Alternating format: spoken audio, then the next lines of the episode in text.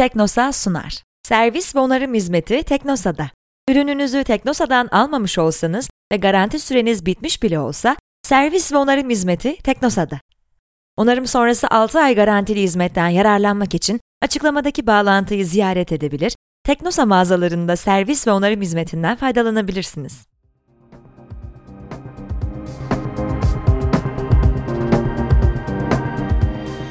Yakın Geçmiş podcast serisi 1946 yılında gerçekleşen ilk çok partili seçimle başlayan Türkiye'nin demokrasi serüvenini zamanda ilerleyerek günümüze kadar takip edecek, Türkiye Cumhuriyeti tarihine kazınmış olan seçimleri ve siyasi olayları sizlere aktaracak. Bu bölümün başlığı Cumhuriyet'in Demokrat Dönemi.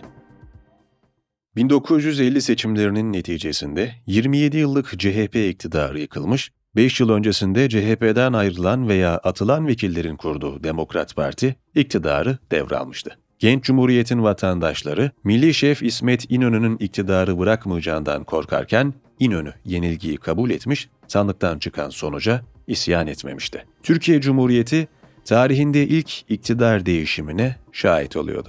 Bu koşullar altında Demokrat Parti lideri Celal Bayar, Cumhurbaşkanlığı görevini alıyor, hükümeti kurma görevini de Başbakan ünvanını alan Adnan Menderes'e veriyordu. Türkiye, demokrat bir döneme giriş yapıyordu. Bölüm 1 Demokrat Parti'nin ilk dönemi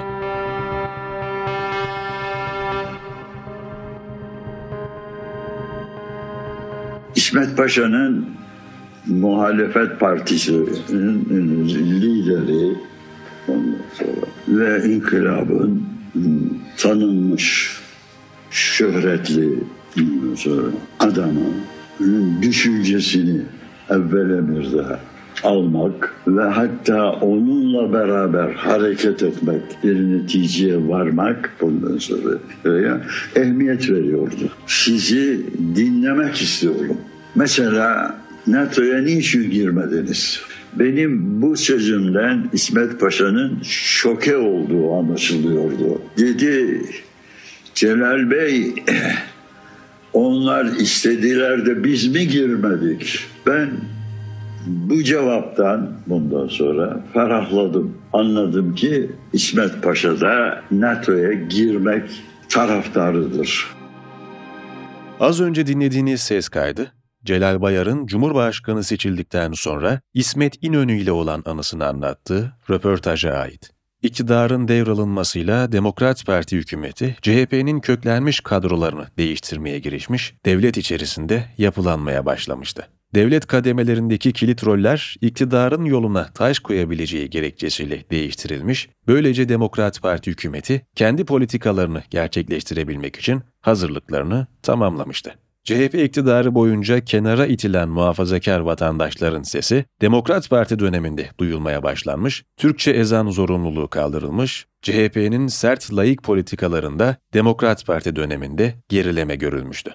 Demokrat Parti iktidarının sırtını dayadığı bir başka kesimse büyük toprak sahipleriydi. CHP döneminde ağır devletçi politikalar yüzünden tepki gösteren toprak sahipleri Demokrat Parti döneminde rahatlamaya başlamıştı. Demokrat Parti, CHP kadar devlet merkezli bir ekonomik planlamayı desteklemiyor, daha liberal bir politika savunuyordu. Demokrat Parti iktidarı özel sektörün büyümesi için yatırım yapıyor, çoğu devlet tekelinde bulunan sektörleri halka bırakmak için çalışmalar yürütüyordu. Çoğu Demokrat Parti politikası gibi bu atılımlarda iki taraflıydı. Bir taraftan özel sektör büyüyor, tarımda üretim hızla artıyorken, diğer taraftan devlet yönetimindeki fabrikalar kapanıyordu. Menderes ayrıca CHP döneminde kurulan köy enstitülerini de kapatma kararı almıştı. Ünlü gazeteci Uğur Mumcu, yıllar sonra köy enstitülerinin kapatılmasını şu sözleriyle eleştirmişti. Köy enstitüleri üretim içinde eğitim, eğitim içinde öğretim ilkesini benimsemişti. Ve köy çocuklarını Atatürk devrimlerinin ve Kemalizmin toplumsal yapısını kurmakla görevlendirmişlerdi. Ancak şimdi ne oluyor? Şimdi aynı köy çocukları köy enstitüleri yerine, kapanan köy enstitüleri yerine İmam Hatip okullarına gidiyorlar. Bugün çeşitli siyasal rejimler, depremler yaşıyor. Bu depremler düşünceleri, inançları yeniden değiştiriyor. Ama biz şu 21. yüzyıla girerken şunu görüyoruz ki Türkiye'de bugüne kadar sonuç almış en güçlü örgüt Türkiye'de Kuvayi Milliye Örgütü'dür. Mustafa Kemal ve arkadaşlarıdır. Kuvayi Milliye toplumun en önemli sivil örgütlenme modelidir. İkincisi 40'lı yıllara rastlayan köy enstitüleridir. İkisi de sivil toplumun vazgeçilmez kurumlarıdır. Liberal muhafazakarlık olarak tanımlanan politikaları yürürlüğe koymaya çalışan Demokrat Parti için köy enstitüleri, sol görüşün yaygın olduğu, iktidarın görüşlerine ters tarafta kalan kurumlardı. Ayrıca Demokrat Parti yönetimi altında devlet okullarındaki eğitim programlarına yatırım yapılmış, 4. ve 5. sınıf eğitim programlarına din dersleri eklenerek nüfus geneline zorunlu hale getirilmişti. Yüksek öğretim alanında ise ülkede günümüzde de açık olan Ege Üniversitesi ve Orta Doğu Teknik Üniversitesi gibi kurumlar açılmıştı. Ekonomi alanında ise Türkiye bir rahatlama dönemine giriyordu. İkinci Dünya Savaşı sırasında ve sonrasında CHP'nin kemer sıkma politikaları gevşiyor. Bu dönemde yapılmış yatırımlar artık kullanıma açılıyordu. Demokrat Parti hem CHP döneminde yapılan birikimleri kullanıyor hem de kendi iktidarı sırasında yaptığı yatırımlarla ülkede refahın yükselmesi adına çalışmalar yürütüyordu. 1950-1954 yılları arasında halk yaşanan ekonomik gelişmeleri mutlulukla karşılıyordu. Dış politikada ise Demokrat Parti savaş sonrası dönem koşullarını değerlendiriyor, Türkiye için sağlam bir konum arıyordu. Bu arayışın neticesinde Türkiye, yurt dışından aldığı yatırımlarla büyüyordu.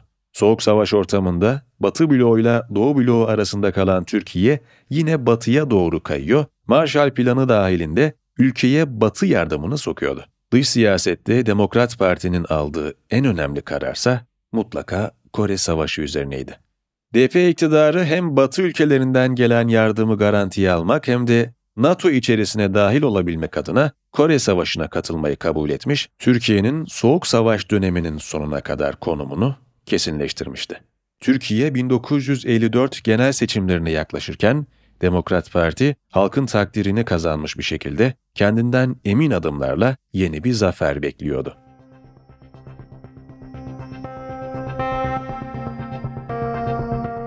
Bölüm 2 Yeniden İktidar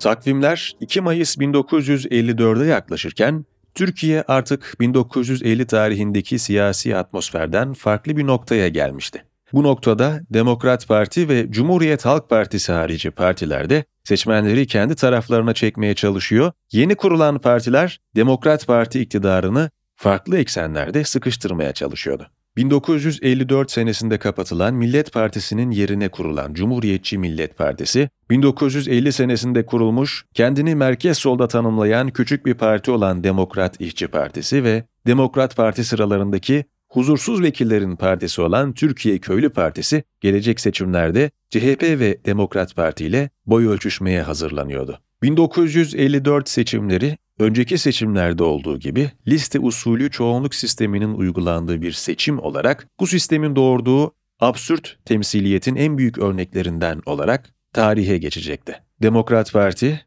Cumhuriyet Halk Partisi, Cumhuriyetçi Millet Partisi, Türkiye Köylü Partisi ve Demokrat İşçi Partisi'nin katıldığı seçimin sonuçları ise Demokrat Parti sıralarında büyük bir mutluluğa sebep olacaktı.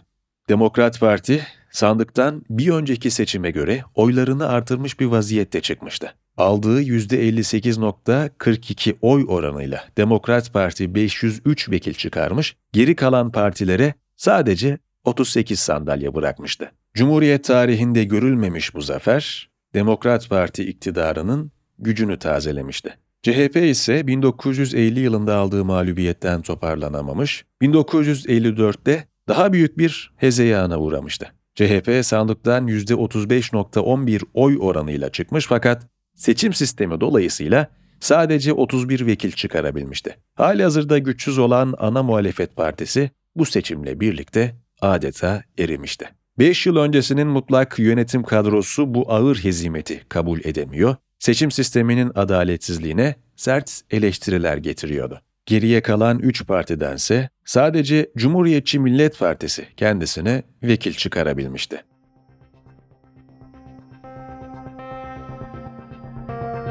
Bölüm 3 Otoriterleşme ve Durgunluklar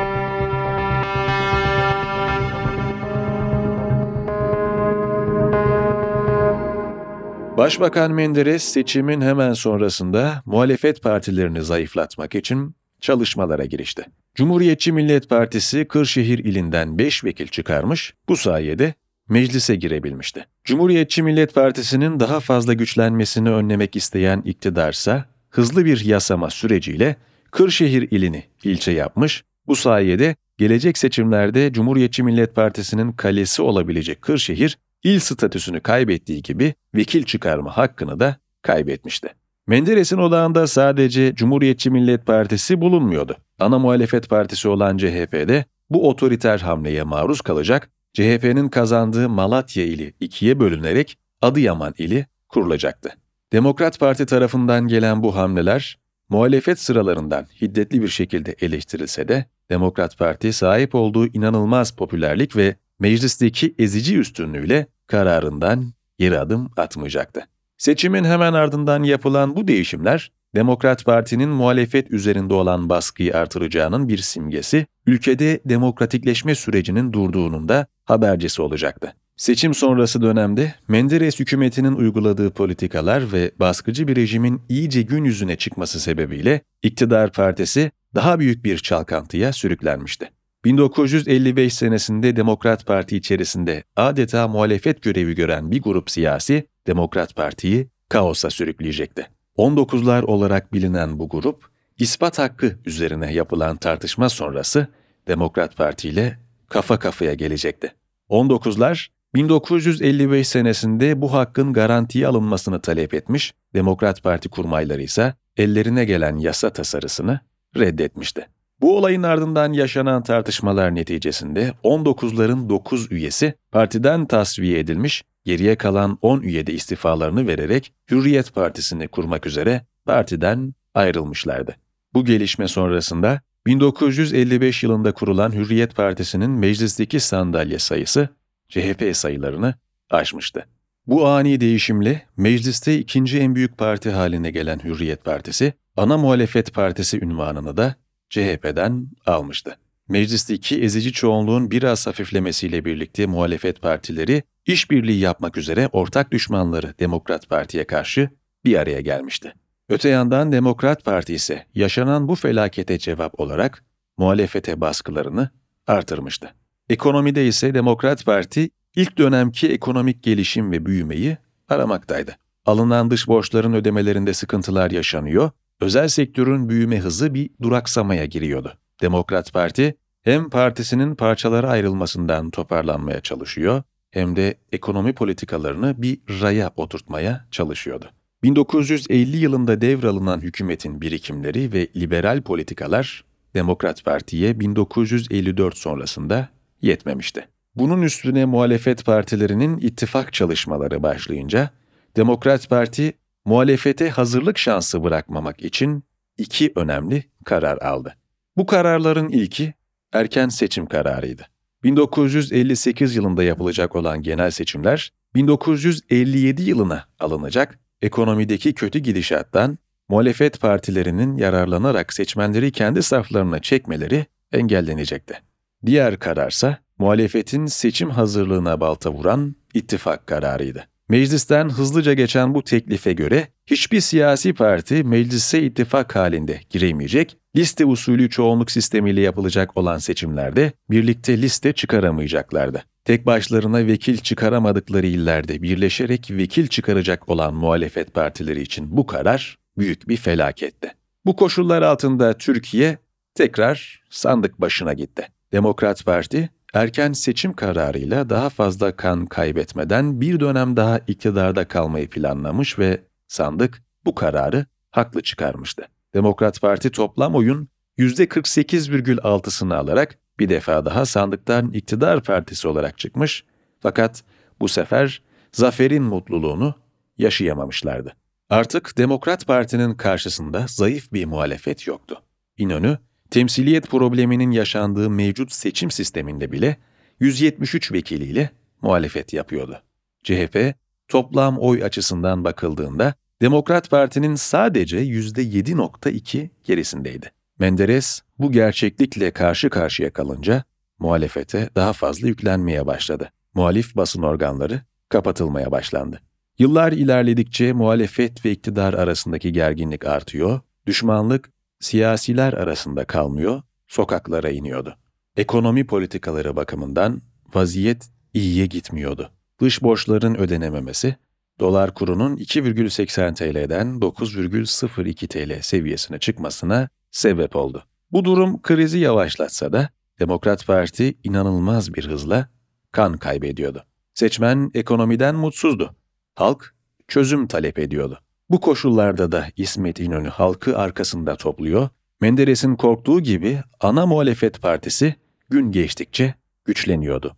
Bu çalkantılı dönemde Kıbrıs sorunu patlak verdi. Kıbrıs içerisinde EOKA örgütü Türk nüfusa baskı uyguluyor, Türkiye'de seçmenler bu durumla derhal ilgilenilmesini talep ediyordu. Sorunu çözüme kavuşturarak akışı tersine çevirebileceğini düşünen Menderes, 1959 senesinde Zürih-Londra Anlaşması görüşmeleri için Londra'ya uçma kararı aldı. Bu sırada Başbakan Menderes'in heyetiyle birlikte içinde bulunduğu uçak Londra'ya iniş yapamadan düştü. 14 kişinin hayatını kaybettiği bu kazadan Menderes yaralanmadan kurtuldu.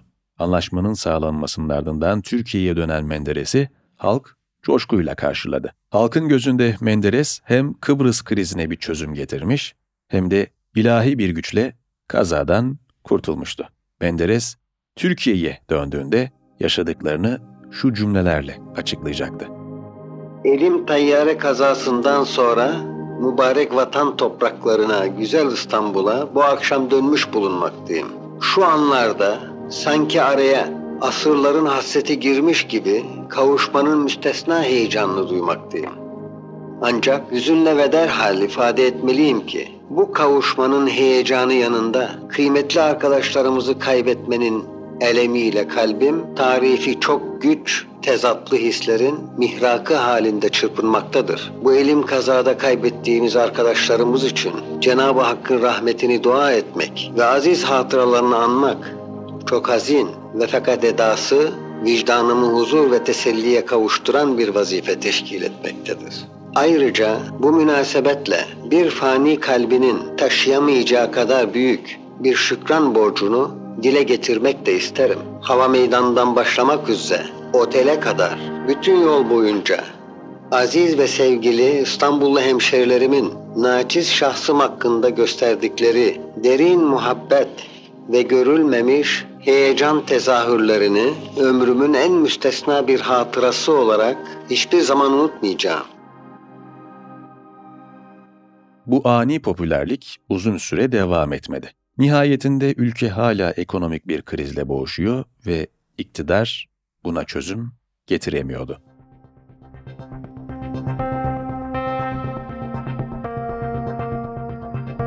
Bölüm 4 Yaklaşan bot sesleri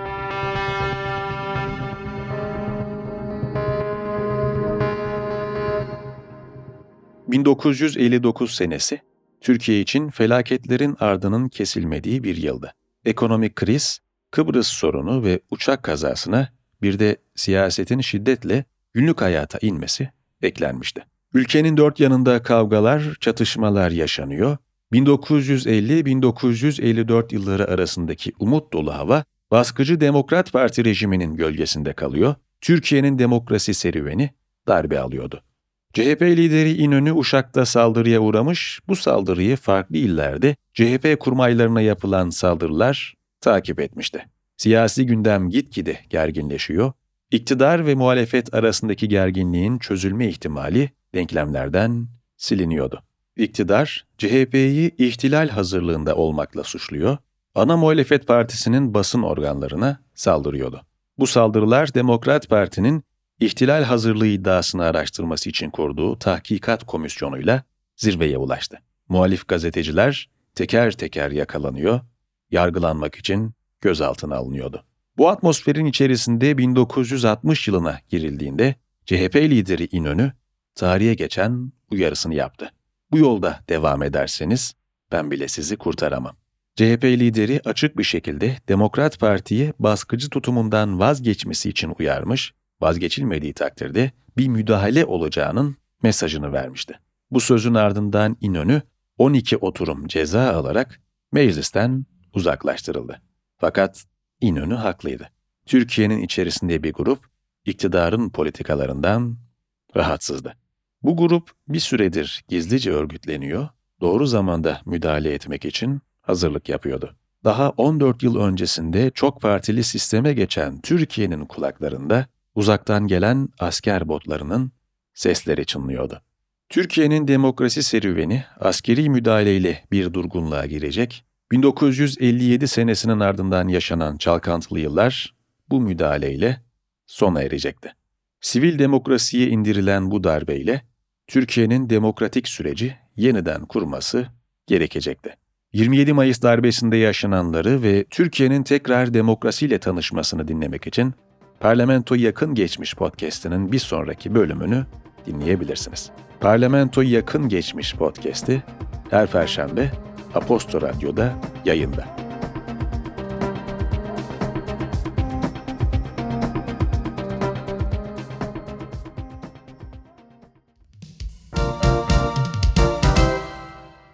Teknosa sundu.